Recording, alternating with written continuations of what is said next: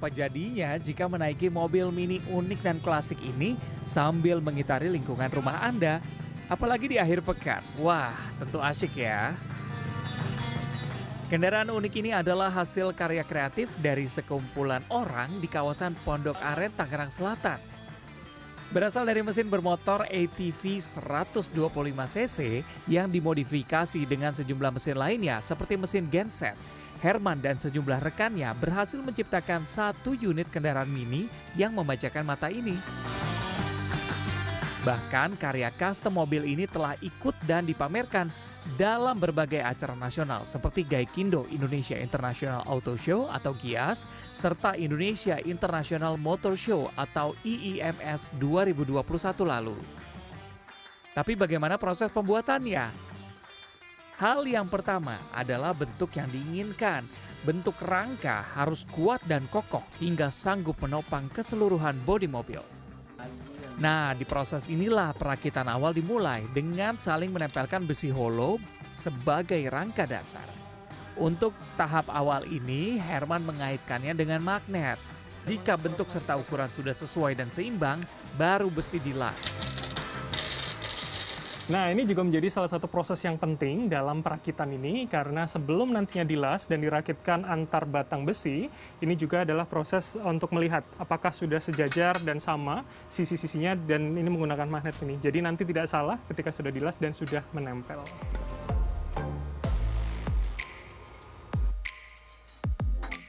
Baru setelah seluruh rangka terangkai, proses pembuatan bodi mobil dimulai. Sketsa yang sudah digambarkan pada karton lalu dipindahkan ke plat besi sebagai bahan dasar bodi. Sambung kembali dengan las dan dihaluskan dengan mesin gerinda. Rangkaian pekerjaan selanjutnya adalah pengecatan dan penambahan sirkuit listrik. Diakui oleh Herman, apa yang dilakukannya ini otodidak. Ia memang sudah menyukai mobil klasik sejak dulu. Karena kesukaan inilah, ia lalu memberanikan diri untuk membuat mobil impiannya meski hanya dalam bentuk mini. Ya jadinya otodidak aja bang. Awalnya bikin sama istri temenin berdua bikin jadi dua unit.